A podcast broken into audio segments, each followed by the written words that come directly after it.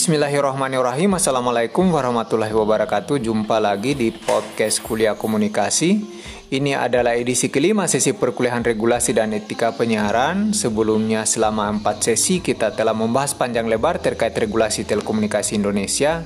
Dan pada edisi kali ini kita akan mulai masuk membahas secara khusus Undang-Undang Nomor 32 Tahun 2002 tentang penyiaran. Berikut regulasi lain sebagai penjabaran dari undang-undang tersebut Undang-Undang Nomor 32 Tahun 2002 adalah payung hukum dari seluruh penyelenggaraan kegiatan penyiaran di Indonesia dan meski gugatan juga sorotan terhadap undang-undang ini terus bermunculan dan pemerintah dan DPR sejak beberapa tahun lalu telah mengajukan rancangan perubahan terhadap Undang-Undang 32 namun karena hingga saat ini rancangan regulasi dimaksud tak juga disahkan maka mau tidak mau, suka atau tidak suka, penyiaran di Indonesia harus tunduk pada Undang-Undang Nomor 32 Tahun 2002 tentang penyiaran. Perlu dipahami bahwa sebelum lahirnya Undang-Undang Nomor 32 Tahun 2002 tentang penyiaran, Indonesia telah memiliki regulasi penyiaran, yaitu Undang-Undang Nomor 24 Tahun 1997 yang pada dasarnya merupakan produk pemerintahan Orde Baru, yang tentu semangat dan karakter undang-undang tersebut berbeda dengan Undang-Undang Nomor 32 Tahun 2002 yang lahir di era reformasi.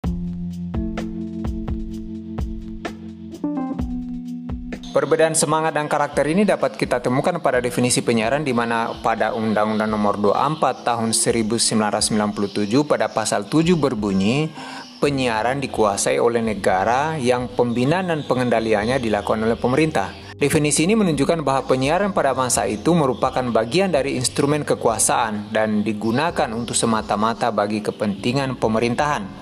Ini tentu berbeda dengan Undang-Undang Penyiaran Nomor 32 Tahun 2002 yang menempatkan ranah penyiaran sebagai milik publik.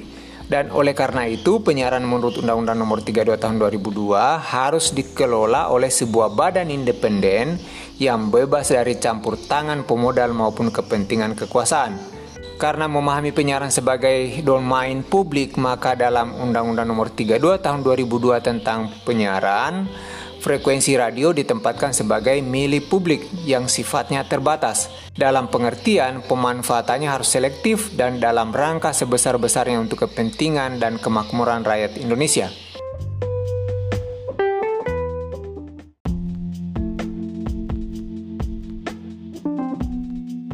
Prinsip kedua dalam penyiaran Indonesia sebagaimana termuat dalam Undang-Undang Nomor 32 Tahun 2002 adalah dikenalnya ketentuan diversity of content atau prinsip keberagaman isi dan diversity of ownership atau prinsip keberagaman kepemilikan.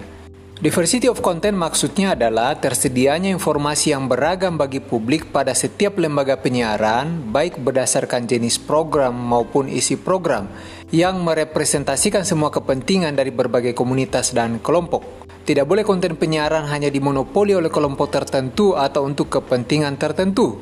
Seluruh komponen masyarakat di negeri ini baik adat, suku, ras, dan agama, termasuk juga tentu kelompok-kelompok marginal, berhak terwakilkan kepentingannya di ranah penyiaran Indonesia.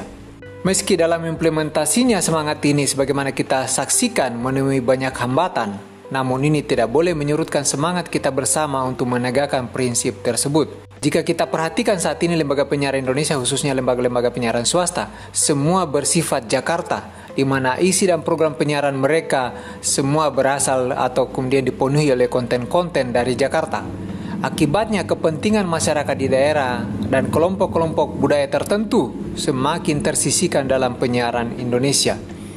Kemudian prinsip keberagaman kepemilikan yaitu adanya jaminan bahwa kepemilikan media massa yang ada di Indonesia tidak boleh terpusat atau dimonopoli oleh segelintir orang. Prinsip ini juga dimaksudkan untuk menjamin iklim persaingan yang sehat antara pengelola media massa dalam dunia penyiaran Indonesia. Kedua prinsip tersebut menjadi landasan dalam setiap kebijakan Komisi Penyiaran Indonesia atau KPI saat lembaga penyiaran mengajukan permintaan izin penyelenggaraan penyiaran atau IPP di Kemenkominfo, mereka sudah harus dapat meyakinkan Komisi Penyiaran bahwa komitmen prinsip diversity of content dan diversity of ownership benar-benar dapat diwujudkan oleh lembaga penyiaran mereka. Komitmen ini wajib tertuang dalam proposal pengajuan IPP ke KPI dan KPID yang ada di daerah.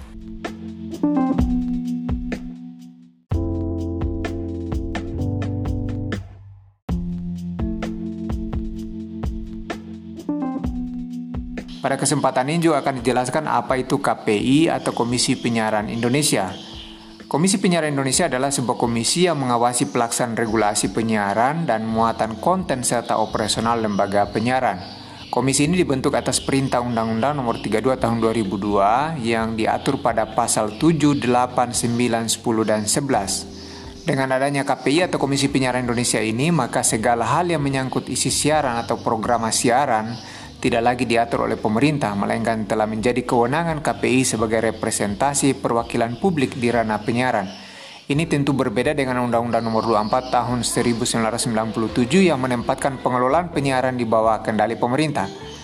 Saat ini di setiap provinsi di Indonesia telah dibentuk pula Komisi Penyiaran Indonesia Daerah atau KPID yang melaksanakan fungsi-fungsi pembinaan dan pengawasan konten lembaga penyiaran di daerah. Sekarang pertanyaannya adalah, apa saja kewenangan KPI atau KPID ini. Dalam Undang-Undang Nomor 32 Tahun 2002 tentang penyiaran, KPI dan KPID memiliki kewenangan menetapkan standar program siaran, menyusun peraturan dan menetapkan pedoman perilaku penyiaran atau P3SPS, serta mengawasi pelaksanaan peraturan pedoman perilaku penyiaran serta standar program siaran dimaksud. Lembaga ini juga berwenang memberikan sanksi terhadap pelanggaran terhadap peraturan dan pedoman perilaku penyiaran serta standar program siaran.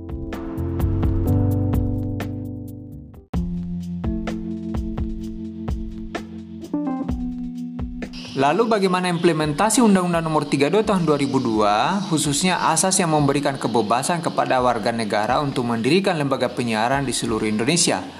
Dan hubungannya dengan semangat undang-undang ini mendorong keberagaman isi konten siaran atau diversity of content yang memungkinkan masyarakat di daerah dan kelompok-kelompok marginal terakomodasi kepentingannya dalam media penyiaran Indonesia. Jika kita cermati memang saat ini tidak ada lagi pembatasan pendirian lembaga penyiaran di daerah sebagaimana di era Orde Baru. Di mana-mana hadir lembaga penyiaran mulai dari lembaga penyiaran publik, lembaga penyiaran swasta, lembaga penyiaran komunitas, hingga lembaga penyiaran berlangganan. Kebebasan mendirikan dan mengelola media penyiaran ini pada satu sisi tentu merupakan sesuatu yang positif dan mutlak diperlukan. Namun di sisi lain muncul hegemoni baru di industri penyiaran Indonesia yakni adanya monopoli media oleh kalangan swasta pemilik modal kuat. Akibatnya, meski media elektronik Indonesia telah terbebas dari hegemoni negara atau pemerintah, namun kini muncul oligarki baru di dunia penyiaran Indonesia yakni adanya kaum kapital atau pemilik modal yang tengah berusaha menguasai penyiaran Indonesia. Ini bisa dilihat dari kecenderungan media penyiaran, khususnya lembaga-lembaga penyiaran swasta, yang mengedepankan unsur profit daripada unsur tanggung jawab mereka untuk menggunakan sumber daya frekuensi publik bagi kepentingan masyarakat, bangsa, dan negara.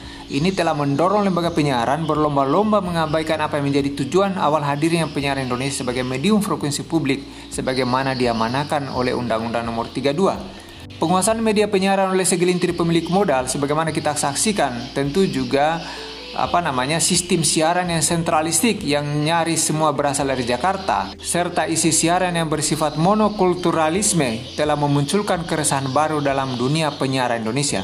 Ini tentu bertentangan dengan prinsip awal kehadiran penyiaran Indonesia yaitu diversity of content dan diversity of ownership. Data sejumlah pemerhati media menyebutkan bahwa public share siaran media penyiaran Indonesia dikuasai oleh 10 lembaga penyiaran dari Jakarta ini mengakibatkan 80% rakyat Indonesia dan 90 juta penonton televisi saat ini seperti dipaksa dalam tanda petik menonton siaran yang sentralistik dengan isi siaran yang tidak mengakomodasi kepentingan suku-suku, ras, agama, serta kelompok-kelompok marginal yang secara tegas dalam Undang-Undang Nomor 32 Tahun 2002 tentang penyiaran wajib menjadi tujuan dari penyelenggaraan penyiaran di negeri ini.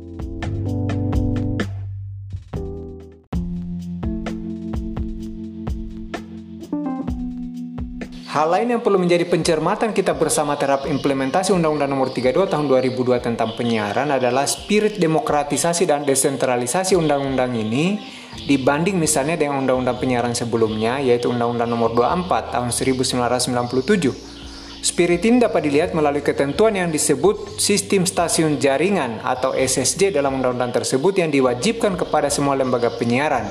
Asas demokratisasi dan desentralisasi penyiaran ini dipertegas lagi dalam aturan pelaksanaan Undang-Undang Nomor 32 yaitu PP atau Peraturan Pemerintah Nomor 50 Tahun 2005 tentang penyelenggaraan penyiaran lembaga penyiaran swasta. Yang selanjutnya diatur secara teknis melalui Permen Kominfo nomor 43 tahun 2009 tentang sistem stasiun jaringan atau SSJ.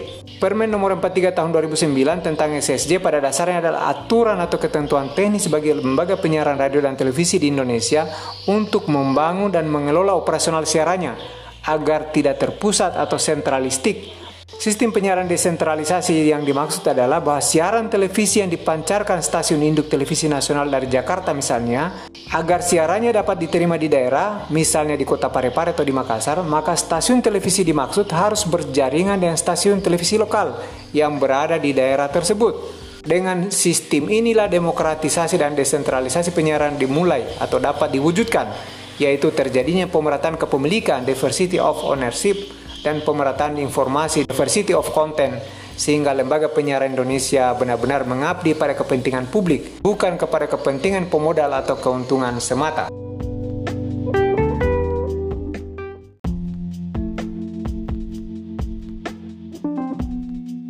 Barusan telah dijelaskan mengenai konsep SSJ dalam Undang-Undang Nomor 32 Tahun 2002 tentang penyiaran. Sekarang pertanyaannya adalah bagaimana fakta di lapangan konsep SSJ ini? Sebagaimana kita saksikan, konsep SSJ yang diusung oleh Undang-Undang Nomor 32 Tahun 2002 pada kenyataannya sebenarnya belum sepenuhnya dapat terwujud. Saat ini sejumlah lembaga penyiaran swasta yang ada di Jakarta misalnya masih sangat minim yang berjaringan dengan lembaga penyiaran lokal. Bahkan setelah 19 tahun diundangkan Undang-Undang Nomor 32 Tahun 2002, aroma sentralistiknya sistem penyiaran televisi Indonesia tak juga mengalami perubahan berarti monopoli 10 lembaga penyiaran swasta nasional dengan seratusan stasiun lainnya masih tetap beroperasi seperti sedia kala, yaitu secara sentralistik dari Jakarta dan direlai secara serentak di seluruh wilayah Indonesia. Persoalan lain adalah meski ada beberapa stasiun televisi menerapkan konsep SSJ, namun pada kenyataannya belum juga menerapkan ketentuan SSJ secara penuh misalnya minimal 10% isi siaran stasiun lokal atau televisi lokal harus hadir pada prime time setiap hari di stasiun televisi nasional. Kondisi ini dengan mudah kita akan temukan.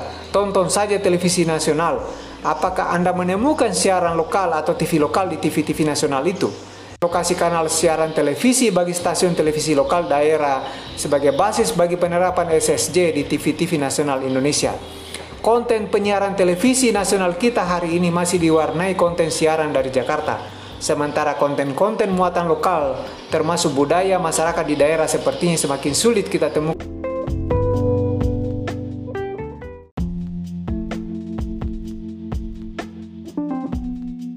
Dari pembahasan kita pada edisi ini kita melihat bahwa Undang-Undang Nomor 32 Tahun 2002 tentang penyiaran lahir dengan dua semangat utama. Pertama adalah pengelolaan sistem penyiaran harus bebas dari berbagai kepentingan, termasuk kepentingan pemerintah.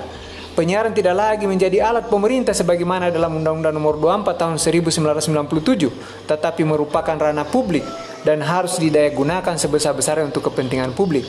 Sejak disahkan Undang-Undang Nomor 32 Tahun 2019 tahun lalu, secara konseptual pada dasarnya telah terjadi perubahan fundamental dalam pengelolaan sistem penyiaran di Indonesia di mana pada intinya adalah adanya semangat untuk melindungi hak masyarakat secara lebih merata. Perubahan paling mendasar dalam semangat undang-undang ini adalah adanya limited transfer of authority atau penyerahan kewenangan secara terbatas dalam pengelolaan penyiaran yang selama ini merupakan hak eksklusif pemerintah kepada sebuah badan pengatur independen, yaitu Komisi Penyiaran Indonesia atau KPI. Independen dimaksud adalah untuk mempertegas bahwa pengelolaan sistem penyiaran yang merupakan ranah publik harus dikelola oleh sebuah badan yang bebas dari intervensi pemodal maupun kepentingan kekuasaan. Kedua adalah semangat untuk menguatkan entitas lokal dalam semangat otonomi daerah dengan memperlakukan sistem siaran berjaringan atau SSJ setiap lembaga penyiaran yang ingin menyelenggarakan siarannya di daerah atau di suatu daerah harus memiliki stasiun lokal atau berjaringan dengan lembaga penyiaran lokal yang ada di daerah tersebut. Meski semangat ini dalam implementasinya masih mengalami hambatan, namun ini merupakan salah satu poin penting yang dicapai oleh Undang-Undang Nomor 32 Tahun 2002 dibanding Undang-Undang Penyiaran sebelumnya. SSJ didesain agar tidak terjadi sentralisasi dan monopoli informasi. Selain itu, pembelakuan sistem siaran berjaringan ini juga dimaksudkan untuk merangsang pertumbuhan ekonomi daerah dan menjamin hak sosial budaya masyarakat lokal.